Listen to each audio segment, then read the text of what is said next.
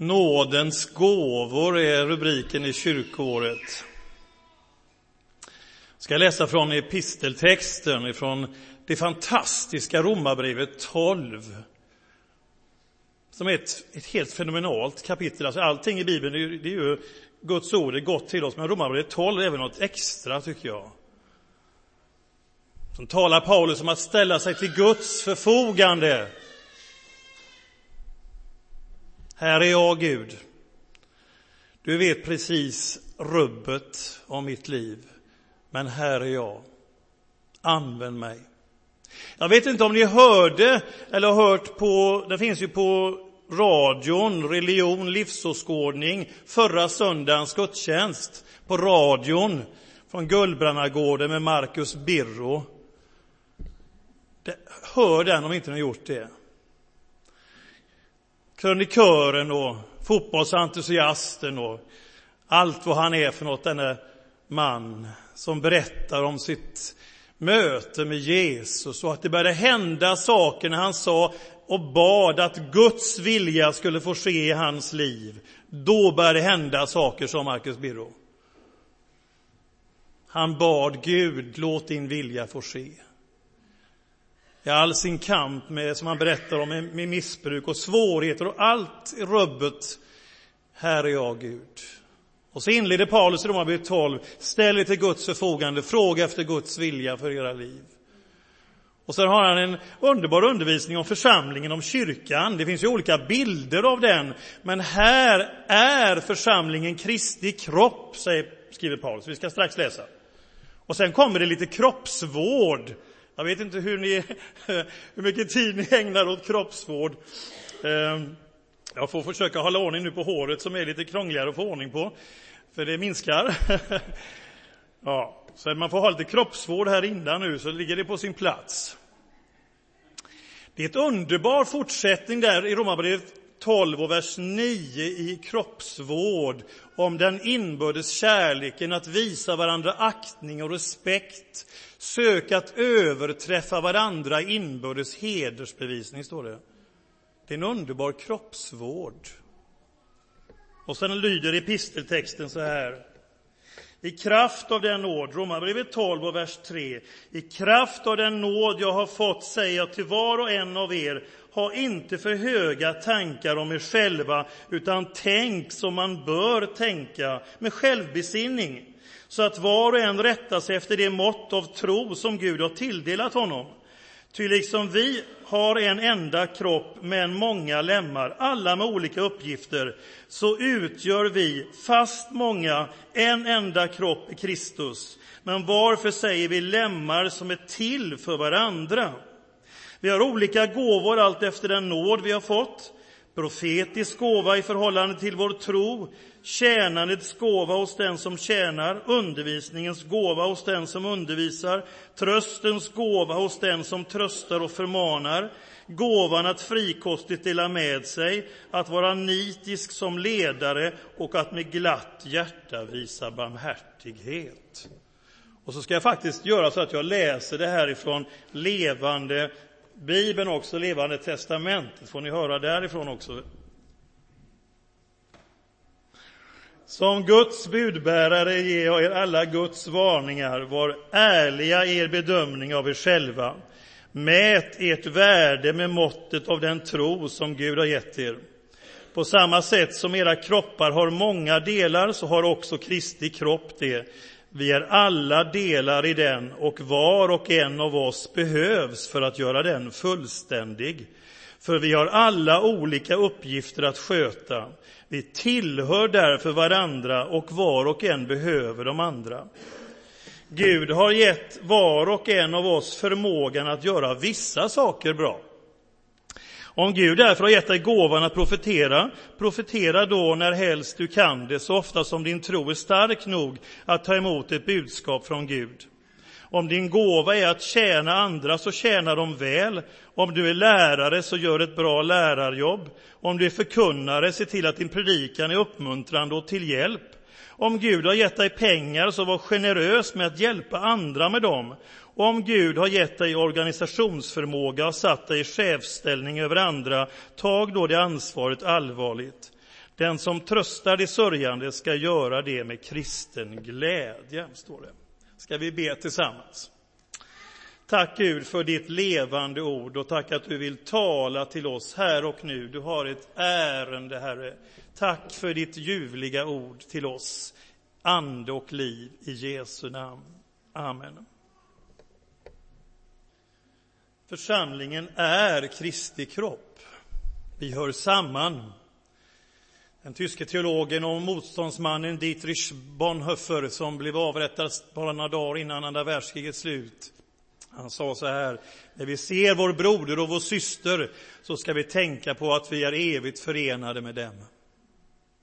De som hör Kristus till, de hör till dem som hör Kristus till. Vi hör samman, del av samma kropp. Och vi uttrycker det starkt i nattvardens gåvor, ett enda bröd. Vi delar vinet, symbol för Jesu blod. Jag vet inte vilken blodgrupp Jesus hade, men i Kristus har vi samma blodgrupp. Vad vi än har för vanliga blodgrupper, så i Kristus är vi så förenade att vi har hans blodgrupp. Vi hör samman. Vi är olika människor, olika bakgrunder och situationer, men vi har förenats. Genom Kristus så utgör vi hans kropp tillsammans. Vi är utrustade med varandra, gåvor skänkta åt varandra. Om vi sneglar lite grann, nu hälsar vi på varandra och sådär, och om man kikar lite grann så kan man tänka, du är en gåva till mig. För Gud har gett oss olika gåvor, allesammans har vi det. Det stod lite roligt i Göteborgs-Posten en gång, en sån här PS, ni vet. Då stod det så här, folk som med förtjusning talar om sin egen obetydlighet gillar inte när även andra gör det. Nej, det kan vi ju hålla med om att eh, så är det ju. Men vi har ju obetydligheter och brister. Men vi har också resurser och styrkor och tillgångar. Och därför så säger skriften så här att vi ska, vi ska ha en sund självkännedom. Se våra styrkor, våra svagheter. Rätta sig efter det mått av tro som Gud har tilldelat honom. Och tro här, det står inte för den rättfärdiggörande tron, utan det är en, en sammanfattning av de olika gåvorna. Det står tro för här. Vi har fått olika gåvor. Och då värdesätter vi varandra tar vara på varandra. Det är inte hot och konkurrens, utan resurser. Jag kom tillbaka efter semestern här på tisdagen så krånglade med internetet. Och det är väl underbart att det finns, jag vet inte, det står inget som har datorkunskapens gåva i Bibeln, men, men det är väl underbart med de som har det, att man kan få hjälp. Och så fungerar det. Vi ser våra styrkor och vi ser där vi kan hämta hjälp från andra. För det står precis så här, Gud har gett oss var och en förmågan att göra vissa saker bra. Eller hur? Men inte alltihop. Utan vissa saker bra. Och så kompletterar vi andra, varandra och vi kan uppskatta och ta vara på varandra, glädjas över varandra. Var och en och behövs för att göra kroppen fullständig. Allesammans behövs. Och jag tror att jag läste det här också vid den här tiden förra året, jag gör det igen, av eh, Indienmissionären, världsevangelisten Stanley Jones, som skrev i en av sina andaktsböcker, han är ju hemma hos Herren sedan en del år tillbaka, men han skriver så här, vi är varandras lemmar, denna tanke borde bevara oss från avundsjuka. Om till exempel en medlem av din grupp sjunger bättre än du, så blir han ditt röstorgan. Du borde därför glädjas över att ditt röstorgan är så vackert. Någon annan kanske överträffar din administrativa förmåga. Du borde då vara glad över att ditt organ i administrationen fungerar. För poängen är att vi tillsammans utför ett arbete och den enes styrka är allas styrka. Du är själv ett organ för andra. Du har något i dig som gör att du kan vara andra till tjänst. Något område där du är starkare än din medmänniska. Ingen av oss har allt, men alla har vi något. Inventera dina starka och svaga sidor och se hur du i din svaghet kan få hjälp genom någon annans kraft. Så känner du att du skulle vilja sjunga som Peter Nori, det vore väl underbart. Han har ju verkligen en underbar röst. Men nu kan ni säga att vi har alla sjungit som Peter Nori idag. Det är ju han som har gåvan, men det är ju en del av hela kroppen, eller hur? Ja. Så känner du att det är jobbigt med rösten så kan du tänka vad vackert jag sjöng idag. Ja. För han är ju ditt röstorgan. Jag berättade nog också det här förra året, det får bli en gång till. Ja, alla kanske inte var med då heller och så, vi kan påminnas. Vi var med ett team härifrån Mölndal i Portugal och evangeliserade med gatuevangelisation. För en hel del år sedan tillbaka då, med, med, eh, i Lissabonområdet. Och där predikade jag över det här och eh, då plötsligt så blev det en, en oväntad utveckling i gudstjänsten därför att pastorn, han hette Glade Bertil, Felice Berto hette han, och han var glad. Men han var väldigt tunnhårig och han hade haft jobbigt med det. Och organisten var en med ett sånt här jättekrull. Och då sa han det, kom han fram och bekände att jag har varit så avundsjuk på dig. Du med ditt stora burr där borta. Men nu kände han att nu kunde han ju vara krullhårig i Kristus som är med nu i bilden här. Han också. Vi är ju en del av samma kropp. Ja, det var en sån här oväntad följd av en, när man predikar, men det var ju härligt. Vi kan glädjas över varandra. Och så har Paulus sju gåvor här. Det finns ju många gåvor och, och vi har naturliga gåvor, förvärvade gåvor, andliga gåvor och det är en härlig liksom blandning så som Gud vill använda oss. Så här listar Paulus sju. Det finns ju många andra gåvor, i exempel första Korinthierbrevet 12 och i Petrusbrevet och Fesebrevet och så vidare. Men här kommer sju. Och lite kort, det är ju gåvor som vi kan bära var och en och jag vill också ta lite generella uppmuntran att vi får se de här gåvorna får, får växa i vår gemenskap, våra liv. Och först så säger, skriver Paulus att vi har eh, profetisk gåva i förhållande till vår tro. Det kan formuleras på lite olika sätt.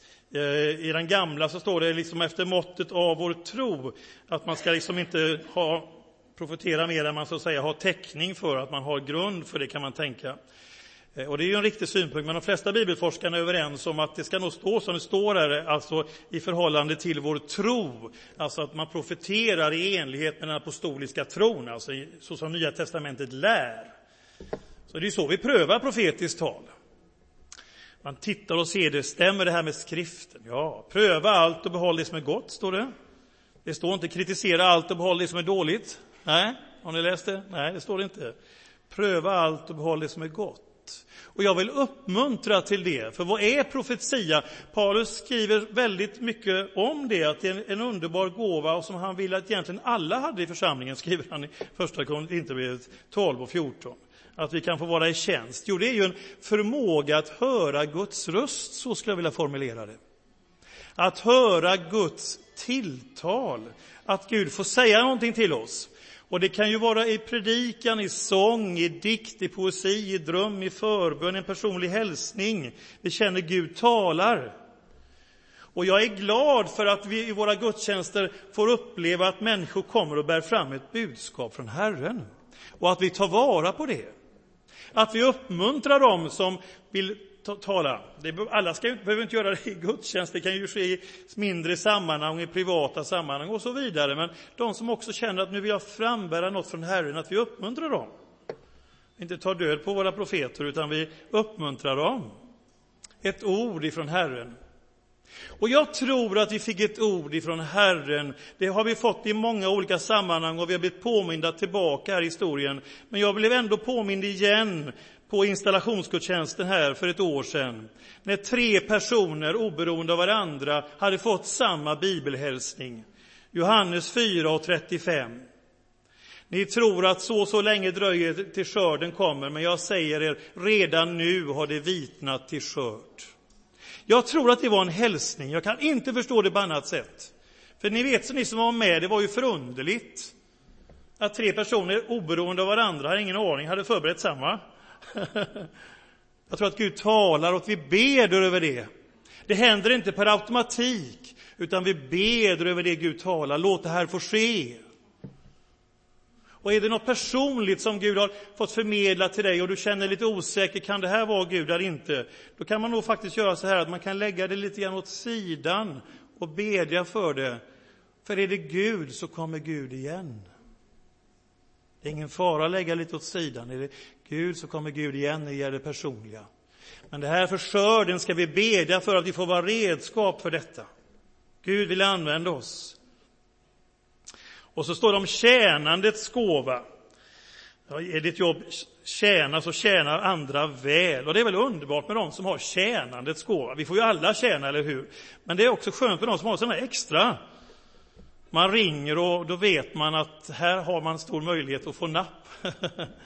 det är underbart med en sån gåva. Det står om gåvan att hjälpa till, står det i första Korinthierbrevet 12. Ibland tror jag vi tappar bort den i den karismatiska yran, för man tänker liksom, det finns så många spektakulära, och så säger Paulus, en del av gåvan att hjälpa till. Ja, hur spännande låter det mot att flytta berg? Ja? Men eh, vi ska inte underskatta gåvan att hjälpa till, att tjäna. Visst är det förunderligt att eh, ordet diakonia då används egentligen om alla tjänster i Nya testamentet. När man fick etniska problem i församlingen i Jerusalem, man ska dela ut mat till änkorna, man tog hand om dem så, så kände sig några lite liksom att man blev förbigångna. Och då eh, så säger apostlarna att några ska få då tjäna vid bordet och så ska några tjäna med ordet och bönen. Och det är samma ord. Diakonia vid bordet, ordets och bönens diakonia, står det. Man gör tjänst. I hebreiskan är det samma ord för att tjäna praktiskt i templet som för tillbedjan. Det är ingen skillnad.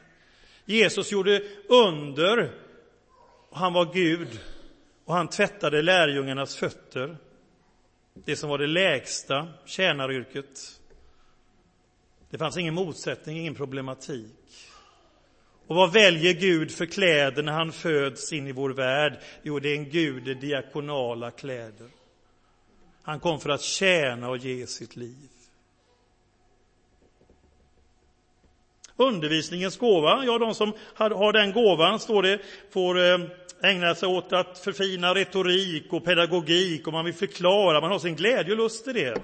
Och det finns många som kan ha en sån här gåva som man kan få använda i gudstjänster, i alfakurs eller i andra. Ta vara på den gåvan, gör ett bra lärarjobb. Så skriver Paulus.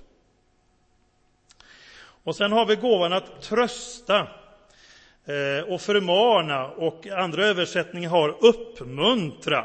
Och vi behöver trösta, vi behöver förmana och jag kanske ändå skulle vilja slå ett slag för uppmuntran idag. Får jag göra det?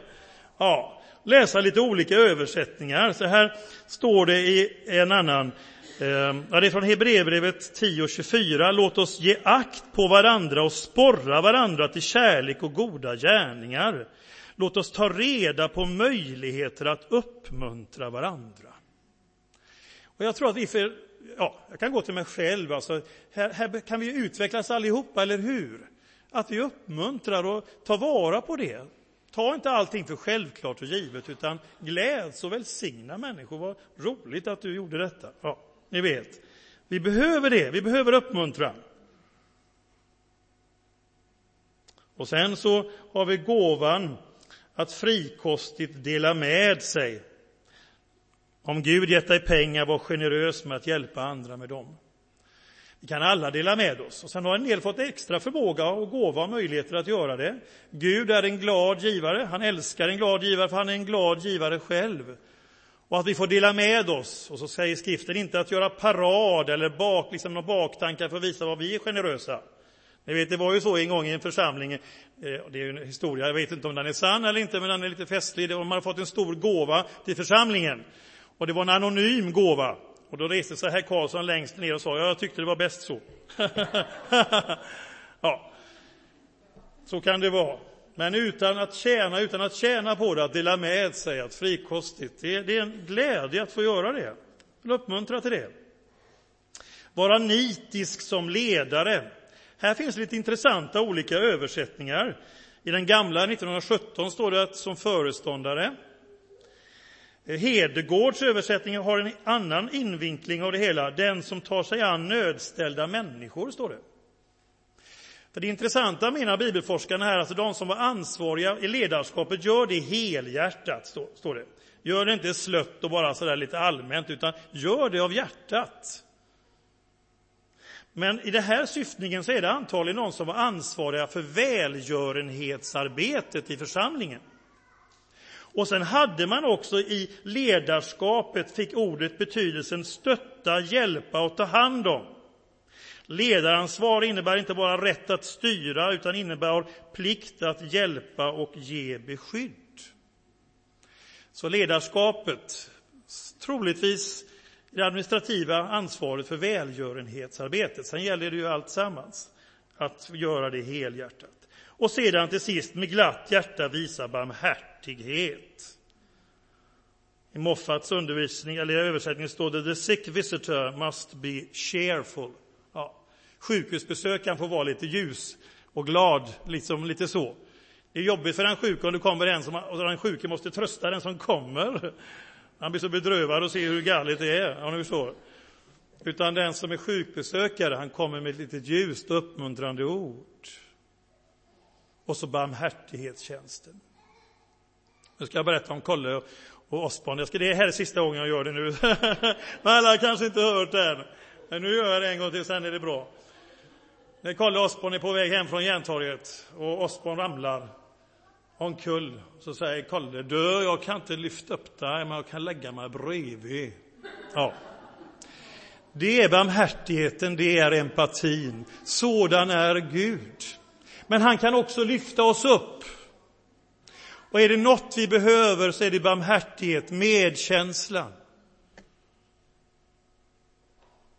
Det är ett underbart vackert drag. Gud har bara vackra drag, men det är ett underbart vackert drag hos Gud, en barmhärtig Gud. Vi har inte en överste präst som är oförmögen att känna med oss i våra svagheter, utan han har prövats på samma sätt som vi, dock utan synd. Därför kan vi med frimodighet komma fram till nådens tron för att få hjälp i rätt tid, därför att vi har en medkännande Gud.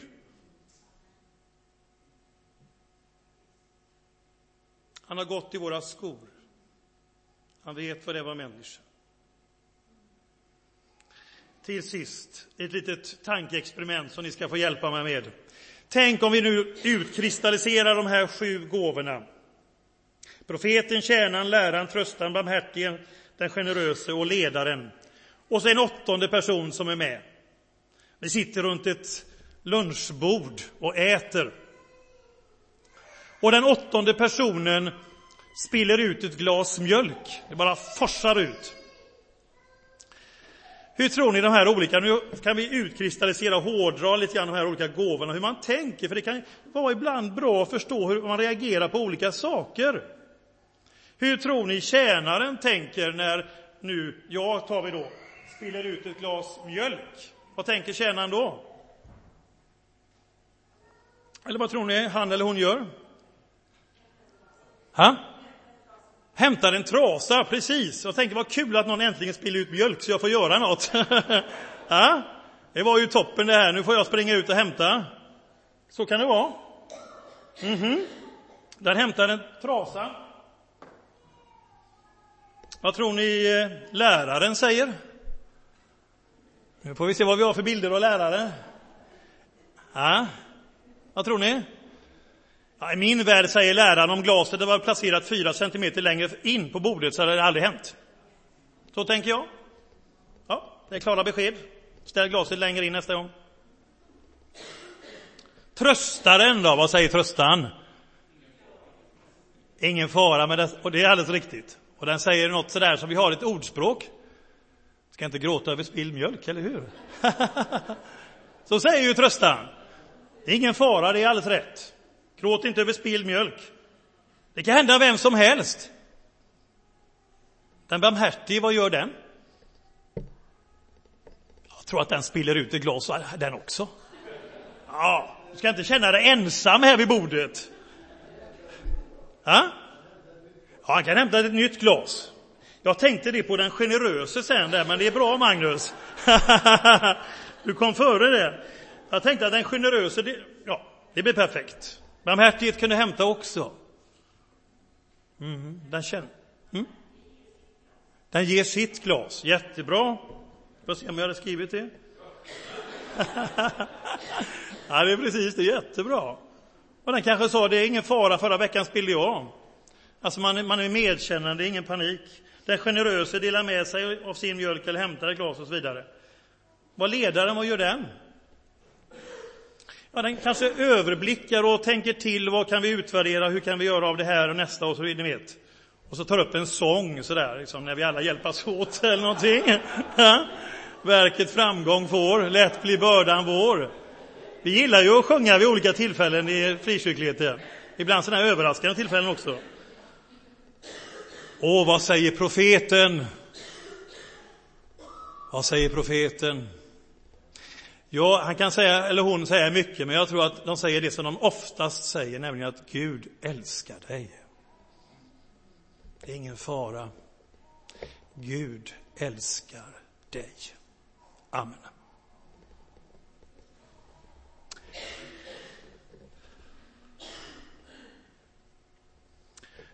Åh Herre, låt oss få blomstra så som du vill att vi ska få göra i tjänst för ditt rik och den värld som du älskar. Där vi får komplettera varandra som din församling, din kropp. Där vi får betjäna dig, varandra och världen du älskar. I Jesu namn. Amen.